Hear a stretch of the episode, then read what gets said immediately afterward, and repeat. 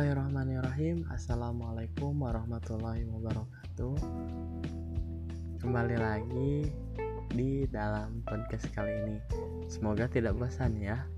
Di mana kali ini saya akan menanggapi dari hasil pemaparan materi kelompok 21 Di mana dalam melakukan penyampaian materi kelompok 21 saya rasa cukup baik di mana khususnya pemateri pertama dengan melakukan penekanan atau penyampaian ulang di akhir eh, pemaparan sehingga itu cukup membuat penyimak menjadi lebih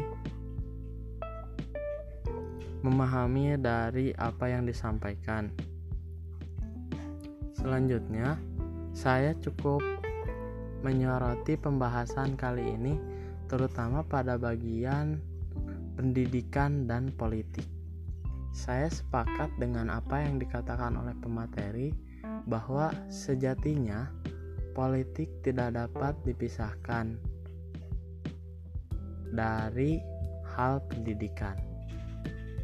Karena pada dasarnya penyelenggaraan pendidikan tidak dapat terlepas dari aspek politik, dan aspek politik juga mewarnai ruang lingkup pendidikan.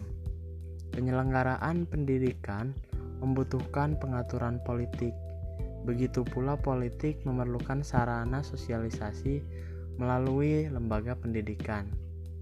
Dicontohkan oleh pemateri bahwa negara melalui kebijakannya dapat mendukung suatu proses dari terselenggaranya pengembangan sistem pendidikan.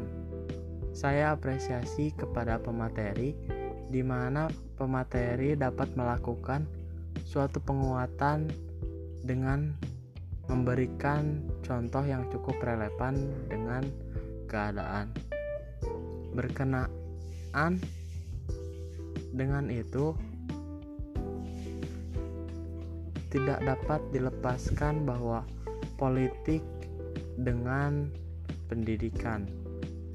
Namun, sayangnya masih ada beberapa guru atau pendidik yang tidak sadar bahwa dalam melakukan proses pembelajaran, ia juga secara tidak sadar sedang melakukan proses politik atau sedang berpolitik.